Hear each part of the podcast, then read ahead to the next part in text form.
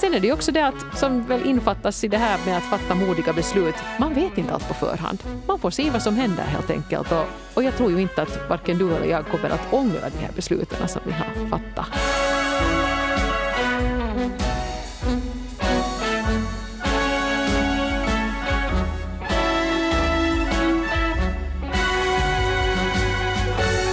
Oj, hoho. Ja, det här tror jag blir en, ett podcastavsnitt som produceras av två människor som är lite upphängda och nedsläppta om man säger så. Ganska så trötta faktiskt eh, just nu.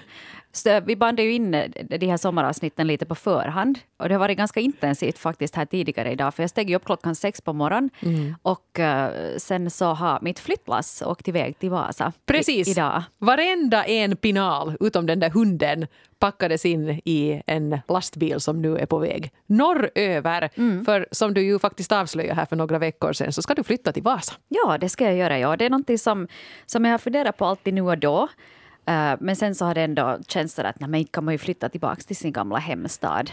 Men uh, på grund av uh, praktiska realiteter så kände jag sen bara för ungefär ett år sedan att att det, det, kanske skulle vara ändå någonting som skulle vara en bra sak för, för mig och mina barn. Och nu sen ett år senare då sen så, så är lägenheten såld och, och flyttlasset är på väg till Vasa. Så att det känns ju som ett stort steg nu och väldigt många har varit så att va? Att oj vad du är modig. Och, och, kanske jag är lite modig också. Det är ju det som vi ska prata om idag också. Det här med att, att våga vara lite modig då det krävs mod av en. Precis, ja, och det råkar sig faktiskt så att både du och jag ganska så här parallellt fatta stora och dramatiska beslut två helt olika, men nu när hösten sätter igång så kommer ju inte alls vår vardag att se ut som tidigare. Och för att fatta sådana beslut så krävs det ju ett visst mod. Så det tänkte vi då fokusera på i dagens poddavsnitt. Mm. Det kommer att handla lite mer, det kommer att bli ett lite mer personligt avsnitt. Jag hoppas att ni tycker att det är okej. Nästa vecka ska vi återgå till att fokusera på er igen, men nu tänkte vi lite sitta här och pita ludde ur våra egna nappor. Mm. Och som du sa där Eva, så, så då Ted Forsström var och hälsade på oss här för några veckor sedan, så då pratade vi om det här just med att, att flytta tillbaka till till hemstaden eller hemkommunen eller, eller de trakter där man känner att det är liksom därifrån man kommer. Och, och, det är ju ganska modigt och då sa jag just det här om den här flytten. Men du har ju också fattat ett väldigt modigt beslut som du inte har berättat om ännu. Nej, inte i podden i alla fall. Jag har nog berättat om det på mina sociala medier och så här. Men jag har ju alltså sagt upp mig. 41 år gammal säger man tack nej, jag behöver ingen fast tjänst, jag ska försöka klara mig på något annat sätt. Så jag har sagt upp mig från YLE från och med nu i höst. Hur länge har du jobbat här riktigt? Ja, vet du, sen, sen vi betalade våra inköp i Marco Penny. Och det nu fanns en tv-kontrollant. ja, och, och, det var faktiskt i slutet av förra millenniet som jag började jobba här på YLE. Och, om nu någon tycker att nej men, vad pratar de nu om, att ska den ena till Vasa och den andra sluta på Yle, vad händer med podden? Så kan vi ju nog faktiskt säga att podden fortsätter. Ja. Att det, det behöver ni inte bekymra er för. Eller kanske någon redan säger att yes, äntligen. Nej, men vi ska fortsätta podda fast under lite andra omständigheter och på, i två olika landsändor dessutom. Mm. Men det funkar ganska bra det där också för att jag har jo. jobbat mycket med, med radio där den ena har varit i Böle och den andra har varit i en annan studio. Och det funkar helt bra. Alltså folk har sagt, hur gör man det då? Så det är som att prata i telefon. Mm. Inte det desto värre. Så nu ska vi få ihop skrapat poddar även framöver.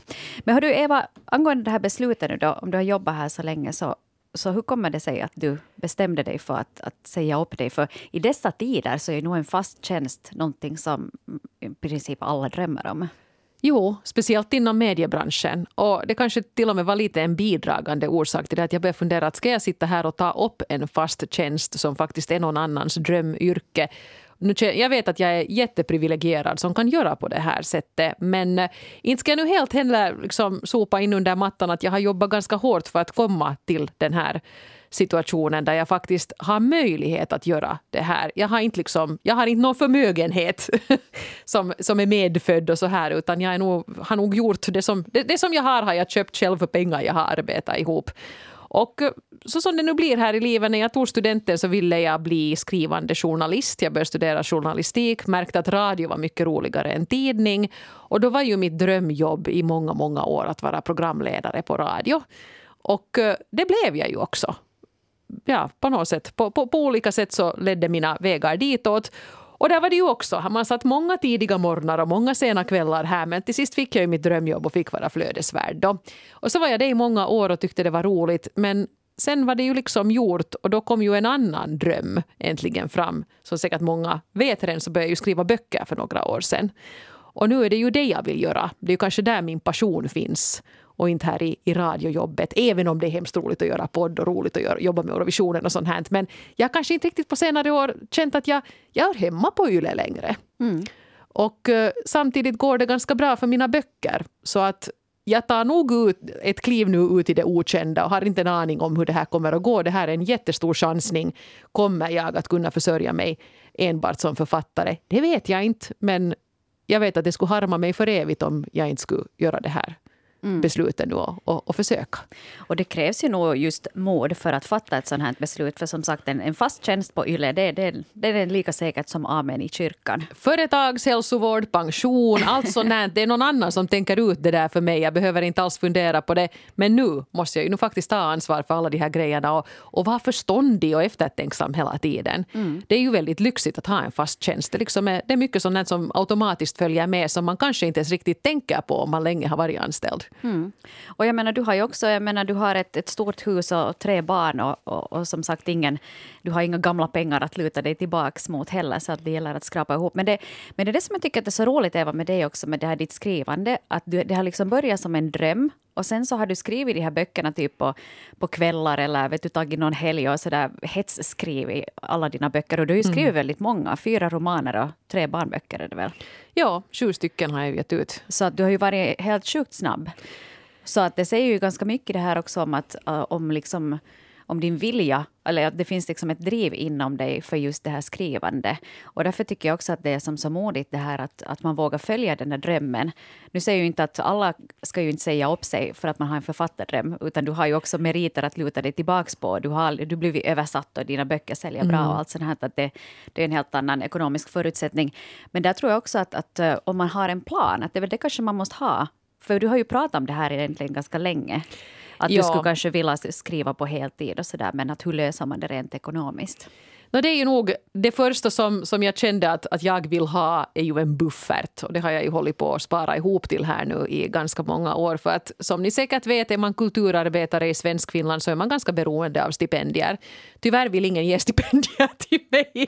Det blir tyvärr och nej, nej och inte, inte den här gången heller varje gång jag ansöker om ett stipendium. Och då är man ju verkligen satt på pottan om man inte sparar ihop lite pengar. Och det har jag gjort nu. Jag klarar mig nog ett, ett tag på det jag har nu. Men sen får jag nu bara hoppas hoppas att någon i något skede kanske vill lite understöda mitt författarskap men det måste nu någon i något skede göra. Jag tycker åtminstone att det, det borde ju märkas på mig att jag får saker gjorda Mm. Ger någon mig ett stipendium så skriver jag nog en bok. Det är inte så att jag, jag får ett stipendium och sen sitter och knäpper på min luta och, och, och dricker rödvin. Nej.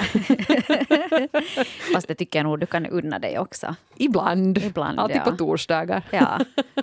Eller då skrivkrampen sätter ja. in. Men nu är det klart, jag menar, eh, när beslutet väl fattades. Det gick egentligen till på det sättet att jag hade ett möte med med mitt förlag, egentligen mitt finska förlag. Som de, de hänger ihop, mitt svenska och mitt finska förlag. Och de sa att jaha, du har blivit utan stipendium igen men kan vi på något sätt hjälpa dig? Att kan vi försöka liksom fördela om så att du skulle få ett lite större förskott och, och lite mindre då. Det går ju till så att man får när en bok ska ges ut så får man först ett förskott som ett förskott på försäljningen och sen nästa år så gör man en, en sån här royalty-uträkning att hur många böcker har sålt och då drar man ju bort det där förskottet. Men nu får jag istället då liksom, de räknar med att mina böcker kommer att sälja så mycket så de kunde ge mig ett lite större förskott. Och så får jag lite mindre royalties efteråt istället. Så de kom emot mig med lite sådana olika sätt och på något sätt ville förvissa sig om att, att du, vi, vi tar hand om dig nog om du vågar ta det här beslutet och skriva mera böcker som vi får ge ut. Och när det där erbjudandet kom så ringde jag ju sen då till min eh, producenten för, för relationspodden bland annat och sa att jag har en sån här idé. Och hå, sa hon.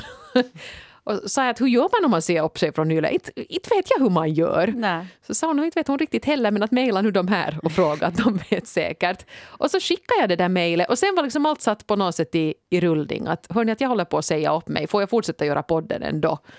Och faktiskt här har alla varit jättetillmötesgående. Det kanske lite lyser igenom eh, till och med en, en liten eh, gnista av avund har jag märkt när jag, när jag nu har berättat om det här beslutet här på Yle. Jag tror att det är ganska många journalister som går och drömmer om att vara författare. Så då blir de kanske lite till sig och lite inspirerade till och med när någon faktiskt tar det här klivet. Att, mm. Nu kommer jag att satsa på de här böckerna istället. Här är så många människor på Yle som skulle skriva bra böcker bara de skulle få det gjort. Ja. Så att det, ja. Och sen på något sätt eftersom jag, som du sa Hanna, jag har ju ändå gått och funderat på det här i många herrans år under hela vårdledigheten med, med Oscar. Så jag funderar på att ska jag tillbaka till Yle efter det här? Att vad ska jag hitta på? Att det känns på något sätt inte riktigt rätt nu något mera. Och det, det är böcker jag vill skriva, det är det jag vill göra. Men när sen de där mejlen var skickade och det här var satt på något sätt i rullning så fick jag en helt annan magkänsla. Och det kändes så rätt och jag var så att ja, Jo, jo, jo, men det är ju, det är ju så här. Mm. Det är ju mm. så här. När det på något sätt var där ute. Jag minns då, vi, minns då vid årsskiftet hade vi ju uh, Lotta Backlund som studiogäst här i podden mm. med ett riktigt sånt peppigt avsnitt. Och hon sa just det där att om du har en ett företag till exempel, eller du har en, en dröm om att starta en företagsverksamhet, så börja med att skicka ut lite sådana offertförfrågningar till olika ställen. Att vad skulle det kosta om ni skulle göra en logga till mig och sånt här. För så börjar du få av de där mejlen och då blir den här fast du inte har gjort någonting ännu, du har inte tagit något sådant avgörande beslut ännu, så blir det verklighet av din plan. Att här kom nu liksom en sån här att de där skulle ta så mycket betalt för min logga och här ska jag kunna ha en webbsida och så här. Och då blir det så konkret och då, känn, då har man en bättre chans att känna att men, vad händer nu med min mage? Känns det bra eller börjar jag nu liksom börja paniken krypa sig på? Mm. Så det kan jag rekommendera till alla som går och funderar att börja lite så smått realisera planerna. Och jag märkte det här att när mejlen var skickade, svaren hade kommit och jag fick veta att det är så här man gör för att säga upp sig så var jag sådär att nu kör jag. Mm. Det här är det jag ska göra. Ja, jag tror det är just det med, med att lita på den där magkänslan. Mm. Det, är nog, det är nog väldigt viktigt det där också. För att jag har också emellan tänkt, jag har också jobbat här på YLE väldigt länge jag tänkte säga för länge, men det har jag ju inte gjort. Jag tycker jättemycket om att jobba här fortsättningsvis. Men där också att emellan när folk har sagt ja men kanske du borde söka dig vet du, till finska sidan eller kommersiella sidan, att du skulle kunna göra det här och det här. Och så har jag funderat på det och så har jag bara tänkt sen att nej, det, det vill jag nog inte. Att jag tror också att om man ger sig möjligheten att tänka den där tanken till slut och låta känslan komma ikapp, så där hittar man också svaret på sina frågor. Att ibland kan det ju vara så att om man inte mår bra där man är så kanske man fattar förhastade beslut åt fel håll. Att man bara väljer i panik någonting annat. Mm. Att liksom låta det ta lite tid. Och som du också i det här fallet, att, att det är någonting du har funderat på i flera år. Och sen också att du har planerat för det. Att du har sparat de där pengarna och du har liksom jobbat hårt och gjort mycket annat jobb också, vet, just med författarbesök och biblioteksbesök och sånt här, för att få ihop Kom lite igång pengar. med det, ja. ja. Och sen faktiskt, jag hade ju nu en sån här lyxig situation i och med det att, att jag fick då ett barn för, för tre och ett halvt år sedan och då var vårdledig. Hade honom sen i, i dagvård privat så att jag kunde liksom ändå fortsätta med att jobba ganska lite här. Och då skrev jag ju ändå tre böcker medan jag var vårdledig. Så jag har ju testat det här att går det att ha ett litet barn, jobba lite så här inhopp här och ändå få böcker skrivna. Och jo, det gick faktiskt ganska bra. Så jag har liksom testat på den verklighet som jag då tänker mig att jag ska ha i höst.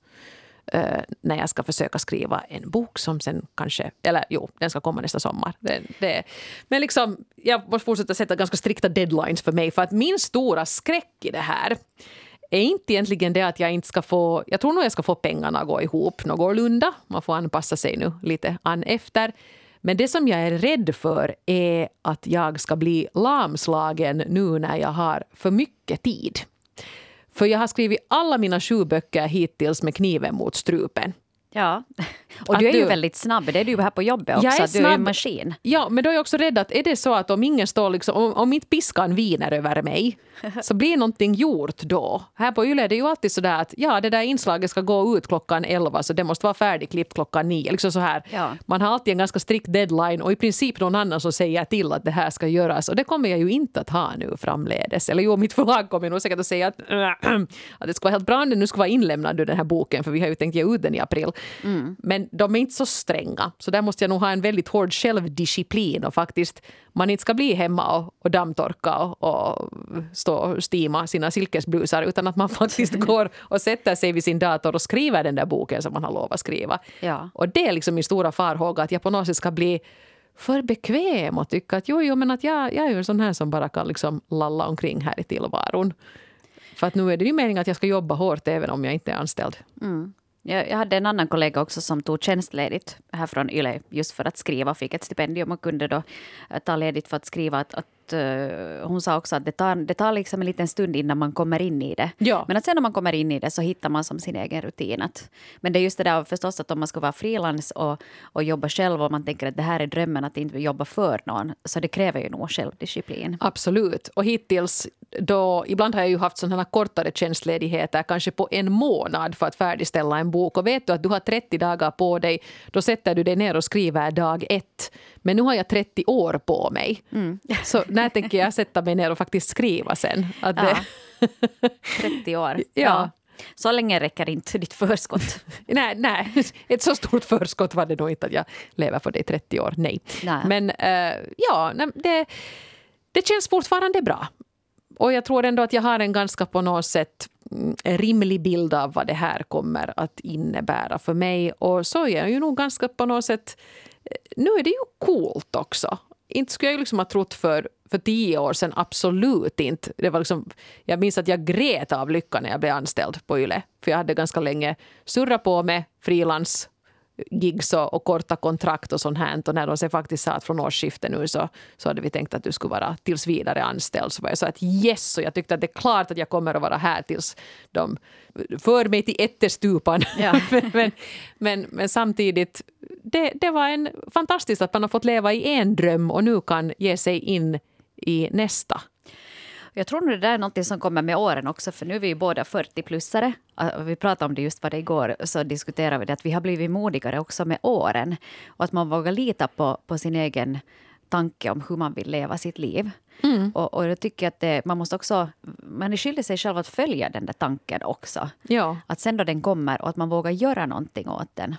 Att det, det, är ju det som jag märkt också just med det här min, min flytt eh, dit till Vasa också. Så, så att folk förstår att ja, närmare mommo och muffa, ja, ja, jag kan fortsätta jobba med samma uppgifter på Yle i Vasa som jag gör Precis. på Yle här också. Så vad heter det, så folk har varit så att åh, det är så modigt. Och, och nu är det ju ganska, jag har bott 18 år liksom i huvudstadsregionen i Helsingfors och i Esbo, så det är klart att det känns lite lite obehagligt nu då mm. det är mitt flyttlass är någonstans vid Tavastehus. så känns det ju nog lite sådär, lite sådär skakigt. Men det känns ändå rätt och det där tror jag är samma med dig också. Att när du skickar de där mejlen mm. så känns det ändå som att det är det rätta beslutet. Och sen också i mitt fall nu att det är ju inte bara det att jag ska flytta till Vasa utan jag håller också på att bygga ett hus. No, det är ju just det. Själv. Mm. Eller jag bygger ju inte men jag betalar för det själv. Och det tycker jag också är en ganska sån här sån här boss lady move. Alltså no, det tycker jag nog verkligen. Det är nog tufft. Jag, menar, jag har ju också byggt ett hus men då var vi ju två vuxna om det. Och du gör ju det här nu på egen hand och det är nog jäkligt coolt det. Och vi ska kanske inte heller, det är ju ingen hemlighet att din erfarenhet av att vara husägare har kanske inte varit så här helt en sån här promenad i, parken? Nej, det, det, var ju inte någon höjdare. Jag köpte ett hus eh, tillsammans med mina barns far alltså för ja, tio år sedan, mera. Ja, det är ganska exakt tio år sedan faktiskt. Och eh, det huset visade sig vara mögligt, så det skulle ha krävts eh, reparationer som skulle ha blivit så pass dyra att vi då försökte få det här huset, husköpet hävt. Och det gick de ju inte med på, försäljarna, så då drog vi det helt enkelt till rätten. Så var vi tingsrätten.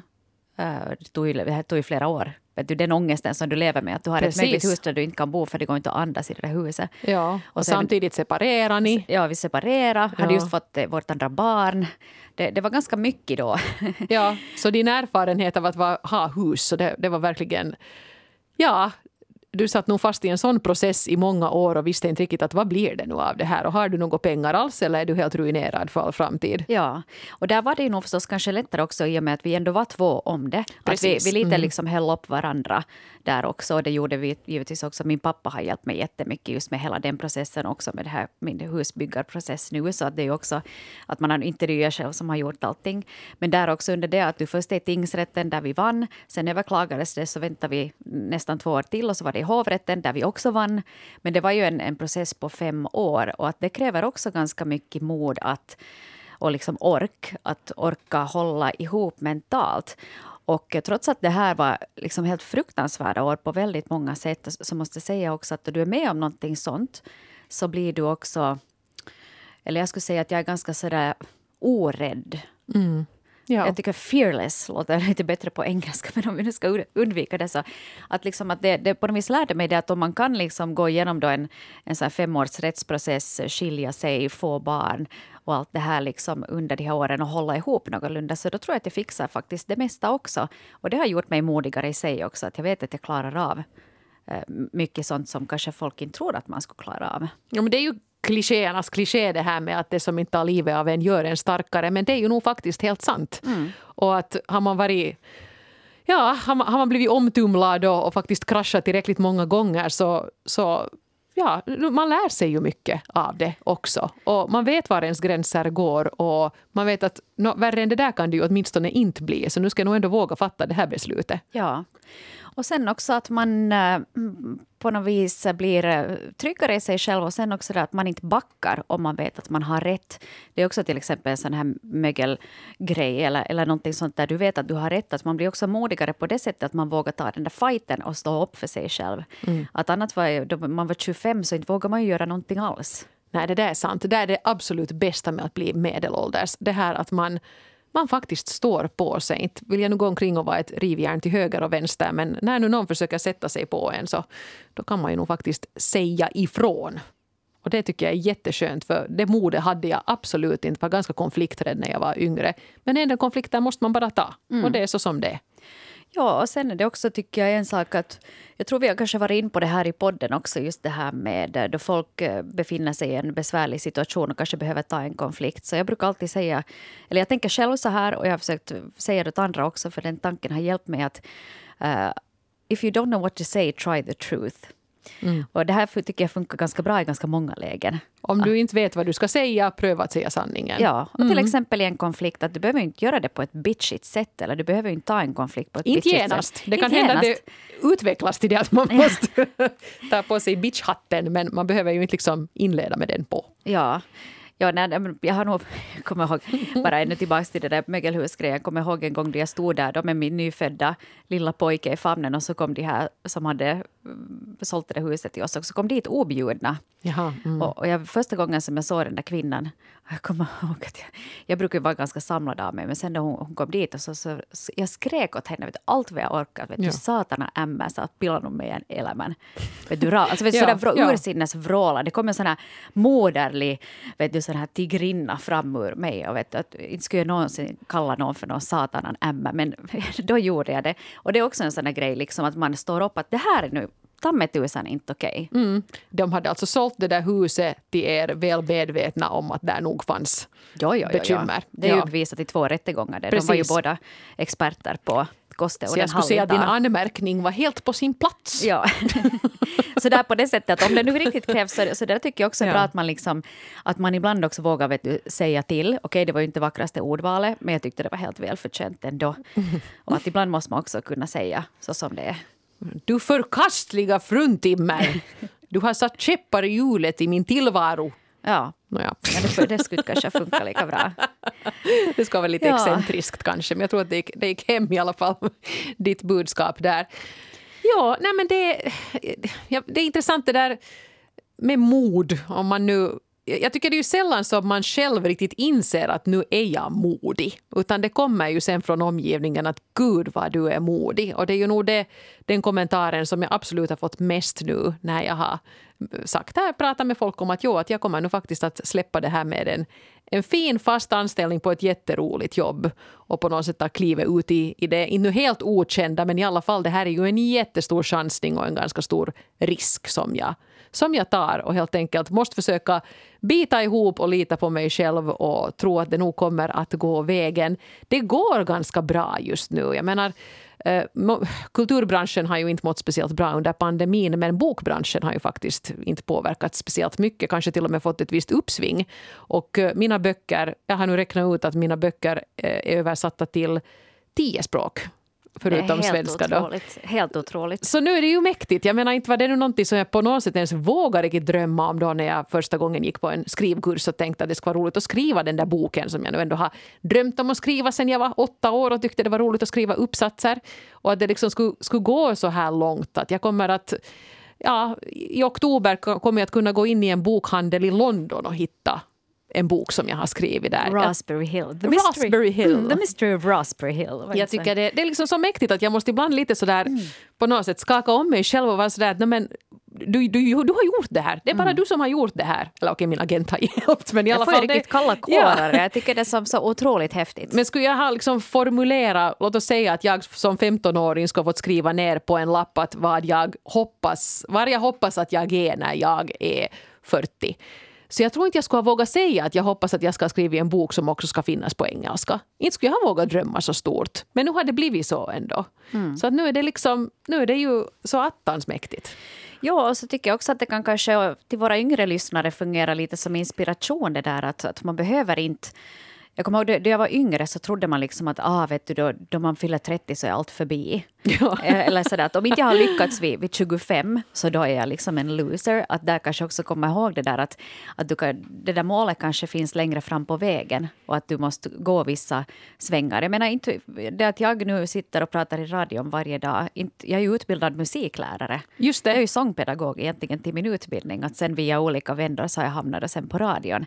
Vilket visar sig vara ett mycket bättre arbete för mig. Just det. Och att jag trivs mycket bättre här. Att, att där kanske också att man kan komma ihåg det att, okay, att fast det inte just nu känns helt rätt så kommer du antagligen ändå att hitta rätt i något skede. Jag skulle säga att det jag har lärt mig på vägen är att det dummaste att göra är att stanna upp. Man måste nog alltid tonta åt något håll.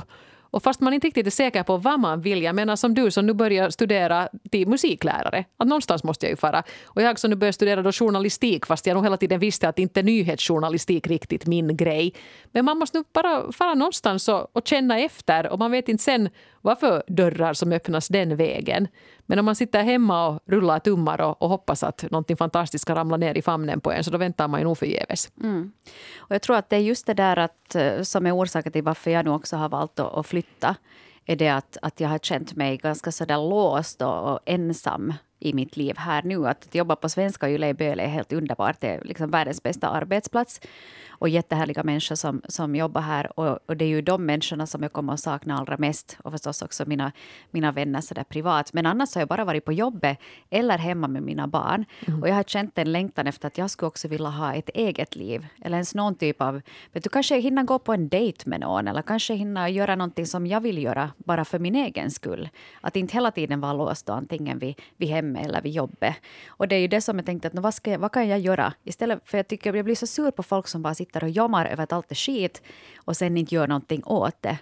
Och just det här med att flytta till Vasa där jag kan få hjälp då med till exempel tillsyn av, av barn och, och hund och sånt här. Så, så det är en förutsättning.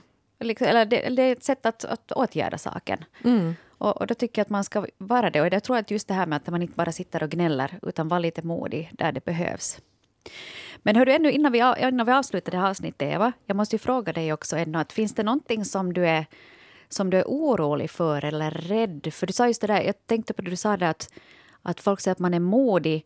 Så ja, men samtidigt så har jag själv upplevt kanske mera rädsla. Att mod och rädsla, det lite går ju hand i hand på ett sätt. Jag att, tror att där är du och jag ändå likadana på det sättet att, att jag tror att det är ganska bra att fundera igenom de här blir ett engelskt ord igen, men de här worst case-scenarierna. Vad är det värsta som kan hända? Mm. Och då kan det ju hända att man lite måste grotta ner sig i sådana domedagstankar en stund, men åtminstone är det ett viktigt steg i processen för mig. att no, vad, vad kommer att ske då om allting skiter sig? Och där är ju förstås sånt som man inte kan veta. Jag menar det som skulle vara allra värst skulle vara att jag blir arbetsoförmögen, till exempel blir sjuk, inte kan skriva ett endaste ett ord. Vad händer då? No, där har jag ju fördelen att jag, jag, jag lever ju inte ensam utan jag är ju gift med, med en man som har en fast tjänst. Så att där har vi ju också kunnat prata om det här men att om det blir någon sån svacka att jag till exempel inte förtjänar ett ruttet öre på ett år kommer vi att fixa det och vi har räknat ut att nu borde det ju på något sätt gå. Sånt här. Men klart att sådana här rädslor finns där men det känns också lite dumt att, att bli en sån här Filip Jonka som tror på katastrofer. Man kanske bara måste ta dem sen när de kommer. Men om man bortser från pengar. Jag tänker så här, för att jag har till exempel nu med det här att flytta till Vasa, så jag tänkte att vad om jag blir ensam vet du, att Vasa är ändå en stad som är väldigt familjecentrerad. Att alla håller sig i sina egna familjer och sina egna bubblor. Att byta stad som medelålders, att vad om jag inte hittar liksom några kiva kompisar? eller, eller så här att, att man, du en sån känsla till exempel. Att har du mm. något sånt här att du inte har fast ett sammanhang att gå till, en arbetsplats eller något, om du bortser från det där med pengarna? Jag tror att det kommer att lösa sig ganska bra. Eh, jag ska försöka se till att jag alltid till exempel har ett arbetsrum att jag tror inte att det funkar för mig att bli kvar där hemma och försöka jobba där. Men jag har ju haft nu de senaste åren så jag har haft ett litet arbetsrum i, i kabelfabriken i Helsingfors. Så det är ett sådant roligt ställe var det pågår mycket sån här orkestern Avanti övar i en våning och där är dansskolor och det springer omkring ballerinor och heavyrockare och där är mässor och, och veganer och, och hipsters och en det ena och en det andra. Det är ett ganska roligt sammelsurium av folk som jobbar med helt olika saker. Så det har varit på något sätt ett bra ställe att gå till och se lite folk. Jag tror att jag också ska aktivera mig med att boka in lunchträffar med kompisar och sånt här. Det har mm. jag inte hållit på med just alls de senaste åren. Men där är ju kanske också det där att man måste lite, lite på något sätt ta sig i kragen och boka in grejer om man känner att man behöver det här. Så det här att ha ett arbetsrum kommer att vara viktigt för mig. För att det är ändå kiva att ha ett ställe var det finns en, var man pratar lite grann med någon vid en kaffeautomat. Behövs inte så mycket mera, men att man lite kanske ser någon. Det har man ju också insett under pandemin hur viktigt sånt är. Mm. Man förstår inte kanske att uppskatta det förrän man sen står där helt ensam hemma i sitt kök och så att jag har ju inte pratat nu med någon. Och jag har glömt att köpa kaffe dessutom. Ja, dessutom och ingen mjölk. Voi nej. Voi öde. Men sådana här grejer. Ja. Men jo, det kommer att kännas lite skumt att inte liksom ha en arbetsplats att gå till på samma sätt som jag ändå har gjort nu här sedan 1999. Mm. så att visst, men jag tror också att det kommer att där kommer nog fördelarna att väga upp mot nackdelarna. Tänk dig det att jag kanske aldrig i mitt liv längre kommer att ha bråttom till ett möte. Utan jag är min egen chef och det spelar inte så stor roll om jag tontar in där på mitt arbetsrum klockan tio om det har varit en kaosmorgon med dagisförande och sånt. Eller kanske är där åtta för att allt gick ovanligt smidigt idag. Och det är jag som bestämmer och det är jag som får styra upp det. Tänk nu en sån verklighet. Aldrig mer ha bråttom till ett morgonmöte. Ja, en befriande tanke då. Otrolig tanke. Ja. ja. Så sådana här grejer. Men sen är det ju också det att som väl infattas i det här med att fatta modiga beslut. Man vet inte allt på förhand. Man får se vad som händer helt enkelt. Och, och, och jag tror ju inte att varken du eller jag kommer att ångra de här besluten som vi har fattat. Nej. Och det är jättebra det där, att, att försöka att inte tänka ut det allt för långt. Mm. Det sa ju Ted också då han var här med det här med att tänk om det och det och det och det och det. Att du kan ja. inte tänka liksom, du, du bara pinar dig själv med att tänka på, på sånt som kanske kan hända som, som kanske inte ens händer. Ja, ja, ja. Att ta ut liksom målarfan på väggen. Ja, ja, det kan landa en komet på ditt nya hus när det just är inflyttningsklart. Ja. Och, och, vet du, jag kan bli arbetsoförmögen och dum i huvudet och inte kunna skriva någonting. Jag menar, allt sånt kan hända. Men då får vi lösa det an efter. Vi har löst många katastrofer i våra dagar. Vi ska nog säkert ha kapacitet att lösa några till. Ja. Men om vi har, det här är ju nu liksom ett sånt här, vi har nästan varje år i relationspodden gjort ett sånt här avsnitt i början av hösten där vi lite har pratat om det här att för oss båda känns ju hösten lite mer som den här omstarten.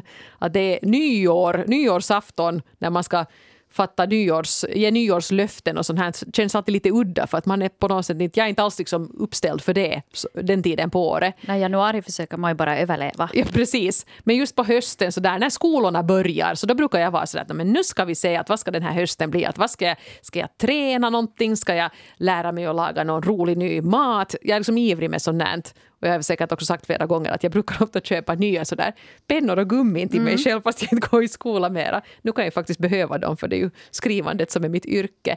Men om vi nu skulle tillåta oss, nu har vi kommit så här långt med de här drömmarna, men om vi skulle se framåt ett år i tiden till hösten 2023 vad skulle du tänka att är ditt idealscenario? Hur ser din tillvaro ut då? Ja, Svårt att säga det där.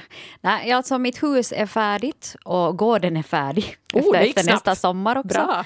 ja, och, um, och sen så har jag en härlig österbottnisk man.